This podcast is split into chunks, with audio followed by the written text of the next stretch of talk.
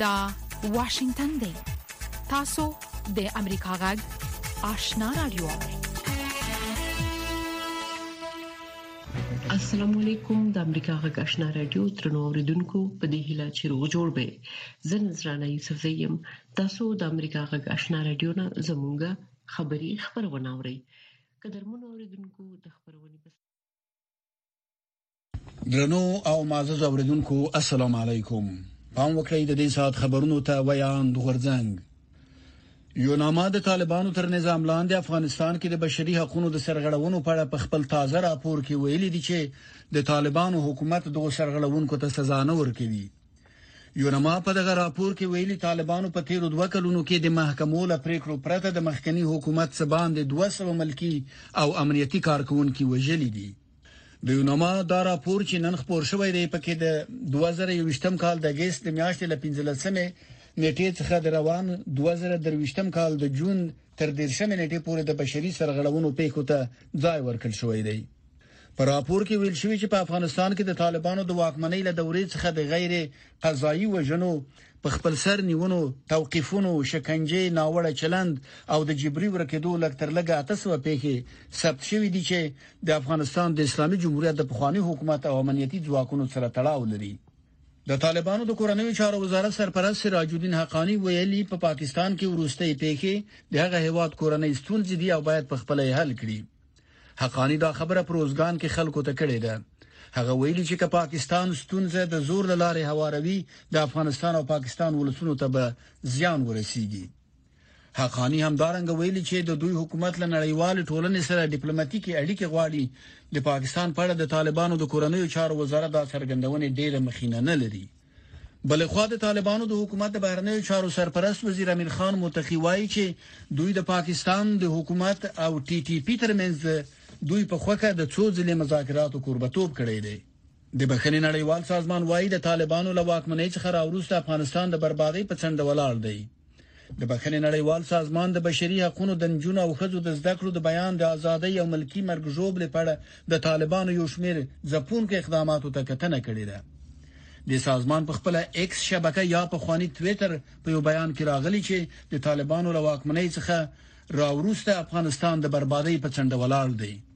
په بیان کې یو شمېر ارقام هم خپاره شوي او لیکي واک ته د طالبانو له رسیدو وروسته یعنی د 2021م کال د اگست د میاشتې څخه د 2022م کال تر جون میاشتې پورې طالبانو 1240 کسان نیولي چې 108 یا ښځې دي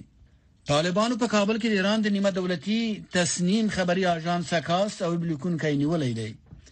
د خبري آژانس نن پر ټوئیټر لیکلی محمد حسین ولایتي د شنبه په ورځ د کابل له هوایي ډګر څخه نیول شوی دی د تسنیم خبري آژانس په خبره ولایتي په قانوني ډول افغانستان ته تللی وو او د نیول کېدو په اړه ورسره طالبانو هیڅ ډول جزئیات نه دي شریک کړي د امریکا غږ آشنا رادیو څخه خبرونو ته دوام ورکوي په جنوبي وزیرستان کې د وسلوالو په برید کې 11 پوځیان وژل شوي دي په دې اړه زما همکار رپورټ راکوي پاکستاني چارواکو نن ویلي چې دا برید نن سهار د جنوبي وزیرستان د شولام خیسو په سیمه کې د پوځ په دوو موټرو شوی امنیتي چارواکو د نوم نه ښودلو په شرط مشال راډیو ته ویلي له وسلوالو سره په نښته کې د پوځ د یوه چارواکي په ګډون یولس نور پوځیان وژل شوي د چارواکو په خبره په سیمه کې د لټون عملیات پیل شوي او سیمه اوس مهال د دوی په کنټرول کې ده. تحریک طالبان پاکستان، TTP، د برید مسوولیت منلی او ویلي دي چې د شلم خسو په برید کې یې اتلس پوځیانو ته مرګ ژوبله اړولې. احمدالله رچیوال، اشنا راډیو، واشنګټن. له سپینې روسیې څخه د امریکايي اتباعو د سملاسي وتلو غوښتنه شوې ده. په مینسک کې د امریکا سفارت له خپلو اتباعو څخه غوښتي دي چې سملاسي دې له بلاروسیې څخه ووځي. د ازادۍ راډیو د سپینې روسیې د څانګې خبریال وايي چې د امریکا سفارت پرون خپلو اتباعو ته سپارښتنه کړې چې بلاروس ته دې سفر نه کوي. سفارت په دغه خبرداري کې خپل اتباعو ته ویلي دي چې له بلاروس څخه د وټولو لپاره د لیتوانیا او لاتویا له پرانستو ځمکنیو بندرونو یا الوتکو څخه کار واخلي په سپینه روسیه کې د متحده ایالاتو سفارت د 13 اپریل په میاشت کې هم خپل اتباعو ته ورته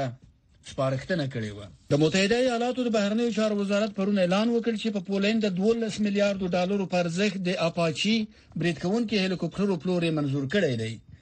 دې وزارت کانګرس ته احوال ورکړی چې د دې موافقې له مخې به د بوئینګ شرکت لخوا شپږ نوي ای ایچ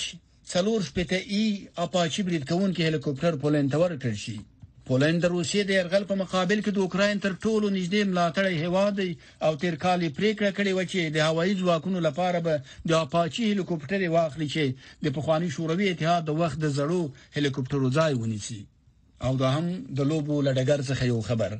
د افغانستان او پاکستان ترمنځ د درې ورځنیو سیالیو لوبلړۍ نن پیل شو چې پاکستان د پچې په ګټلو سره توپوهنه غوړه کړې ده دغه سیالي د سریلانکا په هم بنتویتا ښار کې پیل شوې ده د افغانستان لپاره په نننۍ لوبه کې رحمان الله ګربز، ابراهیم زدران، رحمت شاه، حشمت الله شهیدی، اکرام علي خیل، محمد نبی، عظمت الله عمرزی، راشد خان، عبدالرحمن، مجیب الرحمن او فضل الحق فاروقي لوبه کوي. دا و زموږ د دې ساعت خبرونه. د امریکا غږشنا رادیو درنو اوریدونکو تاسو خبرونه واوریدل پام وکړئ زموږه د خبرونې لومړی رپورت ده مولوی امیر خان متکی وایي د گاونډیو سیمو او د نړۍ د سترو هیوادونو په ګډون هیڅ هیواد افغانستان کې د یوې بلې جګړې نه ملاتړ نه کوي ښاغلی متقي وايي، ایران سره د هلمند د سیند د اوبو مسله په ښه ډول حل شوې او د ډیورنډ کرښې نه د افغانستان له اړخه هیڅوک پاکستان ته د تخریبي فعالیتونو لپاره نه دي تللي. پام وکړئ، د اکرام شینواري دې رپورټ ته. د طالبانو د حکومت د بهرنیو چارو وزارت سرپرست مولوي امیر خان متقي د سې شنبې په ورځ کابل کې د حکومت له خوا ملت ته د حساب ورکولو د پروګرام په لړ کې یو خبري کنفرانس ته وویل چې بهرنۍ پالیسي یې اقتصاد محوره پالیسی ده او تر ډیره یې په خپل بهرنۍ پالیسۍ کې توازن ساتلی دی چې د همدغه سی پالیسۍ لامل د امریکا د متحده ایالاتو په ګډون د دې سیمې او نه هم ګوندي هیوادونه په افغانستان کې د یوې بلې جګړې د پیلېدو ملاتړ نه کوي له اروپایي هیوادو سره له امریکا سره وخت په وخت تماسونه سته ناستې هم شوې دي ورسره کینستي یو یو د بل تشویشونه ماورېدلې دي او یو د بل په تشویشو باندې غور کړی ده په مجموع کی خوشحاله یو چه له امریکا نه نیولې تر اروپا پوری بیا تر منځنی ختیځ او تر عربی نړۍ او تر مرکزی اسیا او د سیمی تر هیوادو پوری جنوبی اسیا له ټولو هیوادونو نه دا اطمینان تر لاسه کړی ده او ټول دی اجماع ته رسیدلی دی چه نور په افغانستان کی څوک د وسله وال مخالفت حمایت نه کوي. طالبانو د بهرنیو چارو وزارت سرپرست د سیمې او ګاونډیو هېوادو سره خپلې اړیکې ډېرې ښې وبللې او وویل چې کله هم د کوم هېواد سره اړیکې خړې شوي، په ډېر ښه ډول یې د اړیکو د بېرته ښه کېدو لپاره هڅه کړې. د ایران اسلامي جمهوریت د هلمند د اوبو په برخه کې تشویش درلود، په دې کې ډول ډول اظهارات وشول، ولې بالاخره موږ په دې وتوانېدلو چې ایراني پلاوي ته دا زمینه مساعده کړو چې هغه هر څه مشاهده کړي او بالاخره یې قناعت وشو او تاسو به د دوی اظهارات اورېدلي وي. همداشان مولوي امیر خان متقي د پاکستان سره د خپل حکومت د اړیکو په اړه وویل چې داسې هېڅ وخت نه دی شوی چې یو څوک د ډیورند د کرخي د افغانستان اړخه پاکستان خواته تللی وي اول ته دغه هیواد په خلاف په تروریستي فعالیتونو کې برخه اخیستي وي خاغلی متکی ویل چې د پاکستان حکومت او د ټي ټي پی د دواړو په خوخه د خبرو قربتوب کړو چې دواړو خو یو بل سره ناسې کړې وي او په خبرو کې تر ډیره پرمختګ هم شوی خو په تر کې د حکومت بدلون د دې سبب شو چې دا خبرې نهايي نه شي. زموږ له خاورې نه هېڅکله دا نه ده پېښه شوې چې یا څوک استفاده وکړي یا څوک ور واوړي او داسې په پاکستان کې د مینې حوادث رامنځته کېږي، پېښې رامنځته کېږي، طبعاً د هغو مسوولیت موږ ته نه ده راجع. مولوي متقي د نړیوالې ټولنې له خوا د دوه کلونو په تیریدو د طالبانو د حکومت د نه رسمیت پیژندو علت نړۍ لخوا پر طالبانو د فشار راوړلو بلل وی ویل چې تر اوسه نړیوال ټولنې لخوا د دوی حکومت د رسمیت پیژندو لپاره کوم مشخص شرطونه نه دي وړاندې شوي هغه ویل چې نړۍ د نامنۍ او نشئی توکو د کاشاک څخه اندېښنې لري او د طالبان حکومت دا دواړه مسلې په خطو توګه مدیریت کړې دي مولوی امیر خان متکی ویل چې د په دې باور دی چې بل اخر به نړۍ افغانستان سره خپل اړیکي عادي حالت راوړي د سیاسي چارو ځینې کارپوهان په دې باور دي چې نړیوالې ټولنې په پرلپسې ډول ویلي که طالبان نړیوال مشروعیت غواړي نو لومړی باید په افغانستان کې د بشري حقوقو په ځانګړي ډول د ښځو انجونو قومي او مذهبي اقلیتونو د حقوقو درناوی وکړي په افغانستان کې د بشري حقوقو په اړه د ملګرو ملتونو ځانګړي راپور ورکوونکي ریچارډ بنیټ تیره اونۍ امریکا غږ سره په مرکه کې ویل چې که سم طالبان په ملګرو ملتونو کې د افغانستان څوکۍ غواړي خو طالبان د دې څوکۍ ترلاسه کولو ته اوس هغه عمره نږدې نه دي لکه چې ورته یو یا دوه کاله پخوا نږدې شوي وو. ښاغلي بېنېټ وویل چې په ځانګړي ډول پر ښځو او نجونو باندې د طالبانو محدودیتونه د دې وضعیت لامل شوي دي. هغه وویل چې افغانستان یوازینی هېواد دی چې نجونو ته ښوونځیو او پوهنتونونو ته د تللو اجازه نه ورکوي. طالبانو حکومت تېره اونۍ پر افغانستان باندې خپله دوه کلنۍ واکمني ولمانځله، خو تر اوسه د نړۍ هېڅ کوم هېواد یا نړیوال سازمان د طالبانو حکومت په رسمیت نه دی پېژندلی.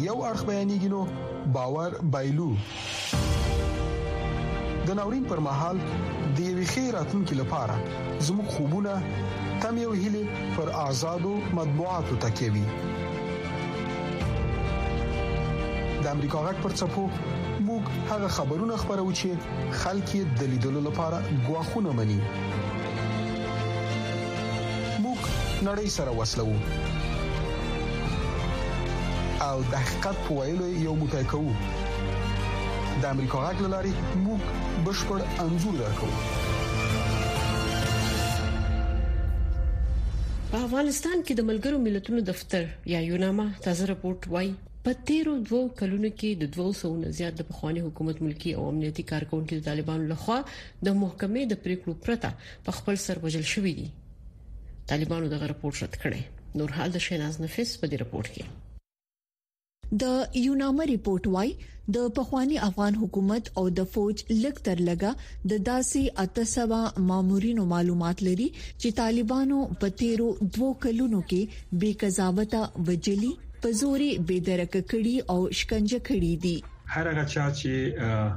د بشر د حقونو نه سرغړونه کړي او په ژمین کې د امیر المؤمنین د حکم خلاف عمل تر سره کړي هغه باید مشخصي او او پیژندل شي د قانون منګولو ته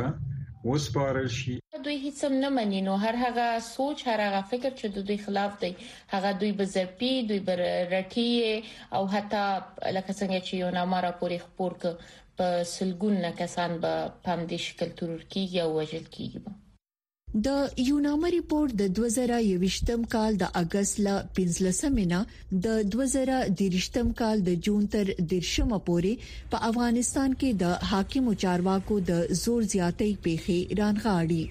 د ملګرو ملتونو عالی کمشنر والکر ټرک وای په خواني حکومتي او امنیتي چارواکو ته ډارټ ورکړل شوی وو چې دوی به نه په نښه کېږي. د یوناما راپور، واک ته د طالبانو له رسېدو وروسته د افغانستان د پخواني حکومت د غړو او امنیتي ځواکونو سره د تړاو لرونکو کسانو سره د چلند یو زړه بوږنوونکی انځور وړاندې کوي، دا د خلکو له باور سره خیانت دی. د طالبانو د لومړۍ واکمنۍ په څېر دویمې واکمنۍ کې هم د بشري حقونو د سرغړونو رپوټونه ډېر شوي دي. او دا موجوده چې څه نړۍ کوي، د دې خلاف دا هیڅ هم نه دي شماریات هم ټیک نه دي اول خو د شماریات ټیک کی چې دا وجنې د هدفي وجنې د دینه ډیر زیات دي چې کم دوی وي او د دې خلاف ته سخت ګامونه پورته کړی شي د بشري حقوقو د سار بنسټ د یوناما د ریپورت وروسته ویلي د غچ اخیستلو په مخه په افغانستان کې د طالبانو وژنې هیڅ پایته نه رسیږي افغان فاعلین البته د بشري حقوقو د سرغړونو په اړه د غندنې بیانونه کافي نه بولي. دا زه سوچ نه کوم چې دا راپورونه وشي کولای چې څه خاص رول ولري، ځکه چې موږ ولیدل په تیر دوو کالو کې دا ګڼ راپورونه خپاره شول او هیڅ یو یې هغه د پام وړ ځای ونه نیو چې باید یې نیولی وای. طالبانو د ملګرو ملتونو دغه رپورټونو ته تر اوسه غبرګون نه دی ویلی، خو دوی د مخه د طالبانو حکومت د بشري حقونو د سرغړونو په اړه د نړیوالو اداري رپورټونه رد کړي. د یوناما نننی رپورټ وايي،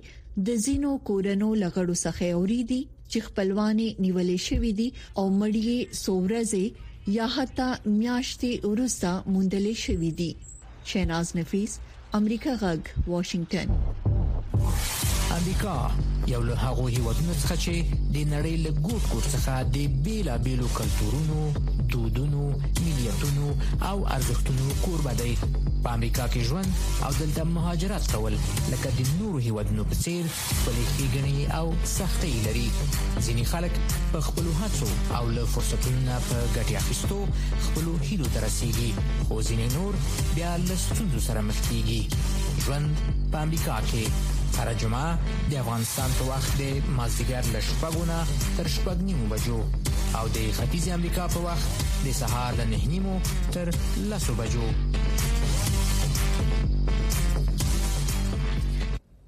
طالب چارواکي وایي چې په تیرو دوه کلونو کې د 22 سره زندانیانو له جملې شپږ سره کسان د محکمې د حکم او د دوی د مشر په فرمان خوشي شوې دي د پخوانی حکومت ځینې چارواکي د طالبانو په زندانونو کې د سیاسي بندیانو وضعیت ناوړه ګڼي نور حال د شمساریان په دې رپورت کې په دوه زره یوویشت کال کابل ته د طالبانو د ننوتلو سره سم د افغانستان زندانونه مات او نږدې ټول زندانیان وتښتېدل. که څه هم د جمهوري دولت له خوا د زندانیانو وروستۍ شمېرې نه وې په ډاګه شوي، خو داسې ویل کېدل چې تقریبا نوي زره زندانیان د افغانستان په محبسونو کې د بېلابېلو جرمونو له امله زندانیان ول. د طالبانو د زندانونو چارو د سمون لوی رئیس محمد یوسف مصری په روانه میاشت کې خبریالانو ته د طالبانو د تیر او سږ کال د زندانیانو شمیر دوه زره تنه یاد کړ د نوموړي په خبره چې د یادو بندیانو له امله څخه یې شپاړس زره د محکمې د حکم او د طالبانو د مشر په فرمان خوشي شوي دي نوموړي په زندانونو کې د نورو اسانتیاو ترڅنګ زندانیانو ته د حرفوي او عصري زده کړو خبره هم وکړه د تېر کال راهیسې یا د هغه بل کال راهیسې تر اوسه پورې چې دوه دېرش زره بندیان محابسو ته راغلي دي، په هغه کې د محاکمو په مټ، د مشرتابه حفظه الله په مټ یا د هغه په عفه باندې دا بندیان بېرته خوشې شوي دي، شپاړس زره. دا اوس شپاړس زره پاته بندیان چې دي، دا پر دوې کتګورۍ باندې دي چې په تعریف کې د محابسو په موضوع کې دا راځي یو توقیفیان دي چې دوی تورن کسان ورته وایي، یو محبوسین دي چې دوی هغه ته متهم کسان وایي. طالب چارواکي وایي چې د تېرې روژې او اختر په مناسبتونو یې تر درې زره زیات بندیان ایله کړي دي. یو شمېر خوشې شوي زندانیان د خوشې کېدو پر مهال خپل احساسات داسې بیانوي. وضعشان خوش هستیم به حد و اندازه خوش هستیم شکر خدا را میکشیم خوب یک امتحان بود بنده الله هستیم پیش الله گناهکار هستیم به خیر گذشت با الله خود یک چند روز راز نیاز کردیم اما فعلا الحمدلله رب العالمین خوشحال هستیم که به خیر آزاد میشم و پیش فامیل محترم و معزز خود میروم طالبان داسې مهال د زندانیانو د نیولو او ایله کېدو خبره کوي چې په افغانستان کې دمګړۍ اساسي او نور فرعي قوانین وجود نه لري. د تیر حکومت ځني چارواکي وایې چې د طالبانو په زندانونو کې سیاسي بندیان په ناوړه حالت کې دي. طالبان کوم ډول بندیان ازادوي؟ جنایي بندیان ازادوي او که سیاسي بندیان ازادوي؟ د جنایي بندیانو که د حبس موده پوره وي باید آزاد کړي او که د حبس موده یې پوره نه وي نو دا خو یو جنایت دی یو ظلم دی چې آزادوي ځکه دا له ټولنې سره ظلم دی یو مجرم او یو جاني خپل سزا او خپل جزا نه ده ګاللې او ته آزادوي سیاسي بندیان سیاسي بندیان خو په ډیره بده ورځ دي طالبانو بندیخانه کې حتی هغه کسان چې دوی د سیاسي جرم په اتهام یا په تور باندې نیولي دي یو لنډ مثال او واضح مثال مطیع الله وسا دی طالب چارواکي وایي چې له دوی سره په زندانونو کې موجود زندانیان له خورا زیاتو اسانتیاو او ښه چلند څخه برخمن دي دا خبره په داسې حال کې کیږي چې د طالبانو له زندانونو ځینې آزاد شوي مدني فعالانو د زندان په دوران کې د سختو شکنجو یادونې کړې دي شمساریان امریکا ته طالبانو د افغانستان له دننه د امریکا غاک راډیو خبرونه درولې دي خو امریکا غاک په پوره شمنتیا خپل افغان اوریدونکو ته په پښتو او دری ژبه د کره باوري او هررخیزو خبرونو په خبرولو د افغانستان له بهره په 902 کیلو هرتز منځنوي سپو خپل خبرونه ته دوام ورکړي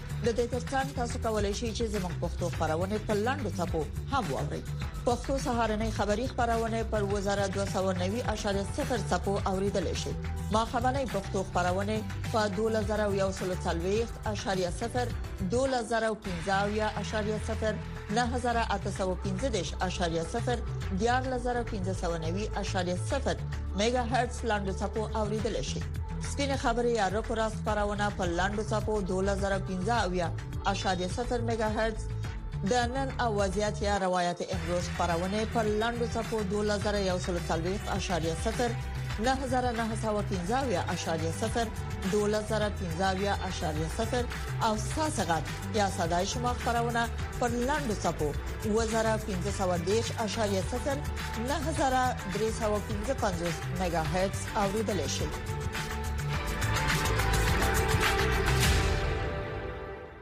د کابل په روغتونونو کې د خزینه ډاکټرانو فعالیتونه دوام لري خو ستونزه د خزینه ډاکټرانو کمښت دی ځکه د پخوانی نظام د سقوط وروسته ګڼ شمېر خزینه ډاکټرانې د هواده وتلي او لامل روغتيايي سکتور له ګواښ سره مخ شوی دی نور تفصيل په دې رپورت کې ډاکټر شینکۍ واتک لتیرو یو لسو کلونو راهیسي د روغتیا په برخه کې کار کوي هغه وایي د جمهوریت پر مهال هم دوی د خزینه ډاکټرانو له کم سره مخ وو خو د طالبانو په واکمنۍ کې د سیاسي بدلون او پر میرمنو د بندیزونو لکبله د روغتيايي سکتور ستونزې لا زیاتې شوې دي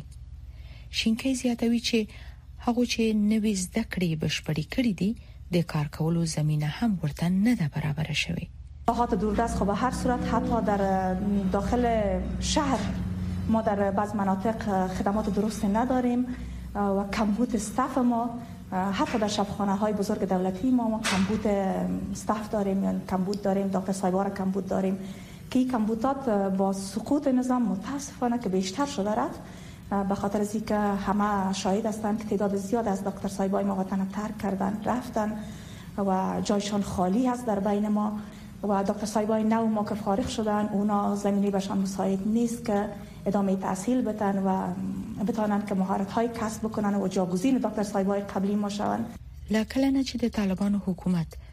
د ښځینه او پر لوړو زده کړو بندیزونه لګولې دي د روغتیا برخه یې هم اغیزمنه کړې ده ځکه هغه آزموینې چې د تخصص لپاره لا ډاکټرانو اخیستل کیږي هغه هم بندي شوې دي او د روغتیا په برخه کې شته پرسونل ناروغانو ته پکتو بسنه نه کوي که څه هم په لری پروتو سیمو کې روغتيي خدمات د تیر حکومت پر مهال هم ټولو ته نه رسیدل خو دا ستونزه اوس لا پسې زیاته شوې ده بزرگترین چالش بند بودن پانتون ها و قطع حلقه تحصیلی که ما هر سال ما باید فارغ می دادیم دکتر سایبا از فاکولته طب فارغ می شدن و بعدا امتحان می و دور تخصص شامل تخصص می پی یک دورانی بود که روان بود ولی متاسفانه یک سکته بسیار بزرگ آمده که خدا کنه خدا کنه جبرانش بر همه وطن بسیار گران تمام نشود. ډاکټرې ملاله رحیم فیضي له تېرو اته ویشتو کلونو راهیسې د کابل په بېلابېلو روغتونونو کې دنده پر مخ بیولې ده.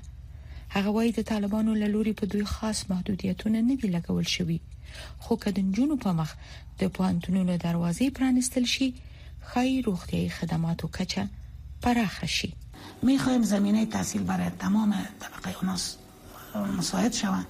یعنی در یک ولسوالی دور افتاده افغانستان هم ما تمام اینایی بخشارم مثلا وقتی که یک زن ما یک خانم افغان ما وقتی که یک تردید قفی میبینه و یا یک تردید دست پای میبینه ما تیار ارتو به دست زن داشته باشم که بتانه اونمو رو اونمو خانم تدایی بکنه وقتی که اپندیسیت میشه جراح زن داشته باشم دو نمو ولسوالی دور افتیده که جراح زن او را تدایی بکنه اما قسم هر مشکلی که بعد هر بخش صحی برای یک خانم افغان در یک جای دور افتاده افتیده میشه ما یک دکتر زن دو بخش داشته باشم که او را همکاری بکنه د کابل په ملالۍ روغتون کې دا مهال څلور سوه وو اته پنځوس پرسونل کار کوي چې په دې کې اووه اتیا سلنه یې ښځینه ډاکټرانې دي د روغتياي سکتور د کارکونکو په باور په مرکز کابل او یو شمېر ولایتونو کې د روغتياي مرکزونو کار روان دی خو که د روغتیا په برخه کې د جنونو په مخ د پوهنتونونو دروازې خلاصې نشي خای د روغتیا ډګر له جدي ګواښونو سره مخ شي متضاد اړخونه بیلابیل دریزونه د سپیناوي تود مخامخ بحث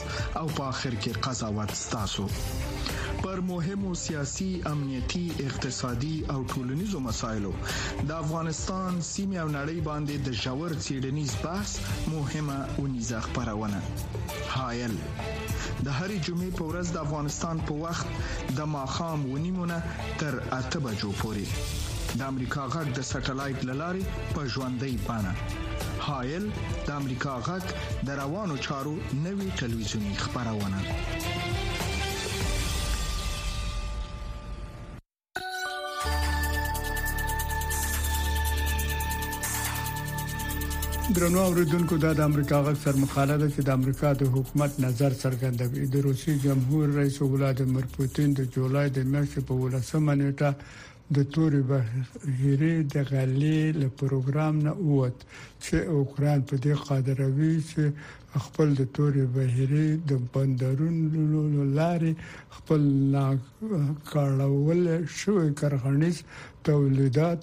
په کشتو کې واستوي. د موافقې د یوه برخې په حیث د ملګرو ملتونو مامورانو موافقه وکړه چې د روسیې سره په خپلو خوړو او کیمیاوي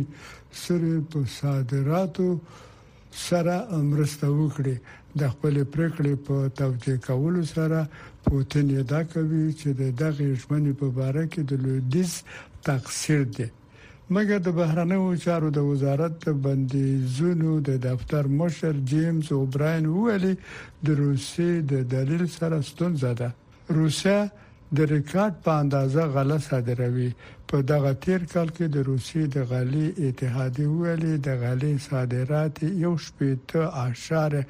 اته میلیونو ټنو ته رسېدلي وو چې زه په دې عقیده یم چې د هر مخکني کال په نسبت د لسو نه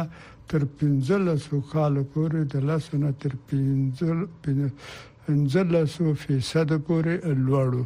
ځکه نو که د نړۍ اندازه خواړه وي، په هغه صورت کې هغه پراسس چې موږ د ملګرو ملتونو او ترکیې سره په غاړه اخلو چې د روسیې د صادراتو سره مرسته وکړي،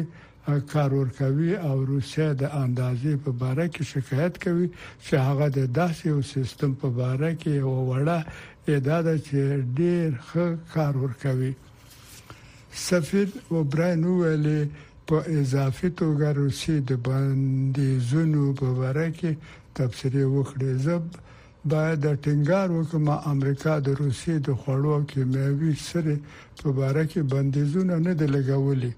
ځکه نو واقعاً څه روان دي؟ سفیر اوبراین پیشنهاد وکړ، هدف دا دی چې د موجوده خوړو او کیمیاوي سرې اندازه کمه شي، په نامحدوده توګه قیمتونه لوړیږي او روسیه د خپلو ځینو غوښتنو ته پام راواړوي. له اوکراین نه تقریبا لس فیصده د غلې ځینې ډولونه نړیوالو مارکیټونو ته داخليږي دا د نړۍ د خوړو پروګرام نیمایي خواړه د نړۍ ډیرو نسمنو هیوادونو ته برابروي په اوکراین باندې د روسیې له یرغل نه وروسته دغه صادرات په ټپه ودرېدل او قیمتونه لوړ ولاړل مګر د تورې بحیرې د غلې د پروګرام د موافقې په لاسلیک کولو سره قیامتونه بیا راټیټ شول ځکه نو دغه وضع وه سفیر وبران ویل روسیې پریکړه وکړه چې دغه شین کوي روسیې دغه پروګرام روسیې د غلې پروګرام ختم کړ د اوکراین د بندرونو نه د کښتۍ وتل بندول اعلان کړل چې دا به داسې وګڼل شي چې هره کښتۍ به چې اوکراین ته نوځي او وځي د نظامي اقداماتو په حیث به وګڼل شي او د د خوړو د ذخیرو په مرکزونو باندې بمباري هم پیل کړه ځکه نو سفیر اوبران ویل د هغه څه دي چې روسیه کوي په نتیجه کې نه یوازې د خوړو د اندازې کمول دي مګر په اساسي توګه. قیامتونه پورته ولاړل سره له دې ده وویلې زه خوشبینه یم چې د اوکراین غله به بینالمللي مارکیټونو ته ورسیږي دا به زموږ لپاره یو څه وخت ونیسي په دې کې به یو څه قیامتونه دخیل وي مګر موږ روسیې ته اجازه نه ورکوو چې په توره بحیره باندې خپله خپه کوونکې قبضه ولري. درنو اوریدونکو دا و د امریکا غږ سر مقاله چې د امریکا د حکومت نظر څرګند قدرمن اوریدونکو تاسو د امریکا غږ آشنا رادیو نه زموږه خبری خبرونه واوریده موږ تاسو ته په دې هیله اجازه غواړو چې خبرونه به اوریدلې وي د خوده په